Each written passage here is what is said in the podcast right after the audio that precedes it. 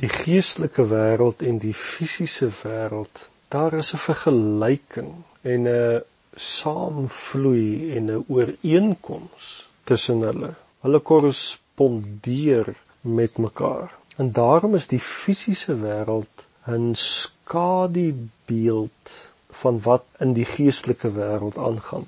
So kan ons byvoorbeeld kyk na kinders in 'n familie, kinders in 'n gesin. Wat in wese kwalifiseer my seun of dogter om my kind te wees? Die feit dat die kind uit jou uitgebore is as 'n pa of 'n ma.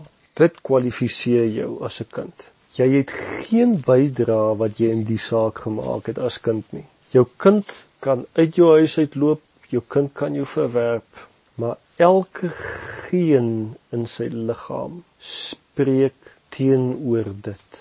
Die kind kan sy kindskap verwerp, ontken, maar kan nie die kindskap kanselleer nie. Kindskap word nie bepaal deur 'n kind nie. Dit word ook nie onderhou deur 'n kind nie. Die kind se hele wese getuig van die waarheid dat hy of sy 'n kind is van hierdie pa en ma.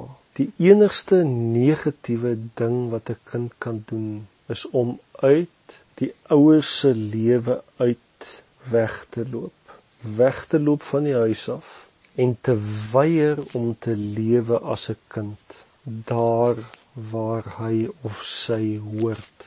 Ja, die kind het alle beheer oor sy kindskap in die sin van sy gesindheid en sy verhouding teenoor die ouer. 'n Ouer kan nie sy kind forceer om jou te eer as 'n vader of 'n moeder nie of om in 'n verhouding met jou te staan nie. Adam was geskep as die kind van God, as 'n seun van God, maar hy moes steeds besluit of hy wou leef as 'n kind van God.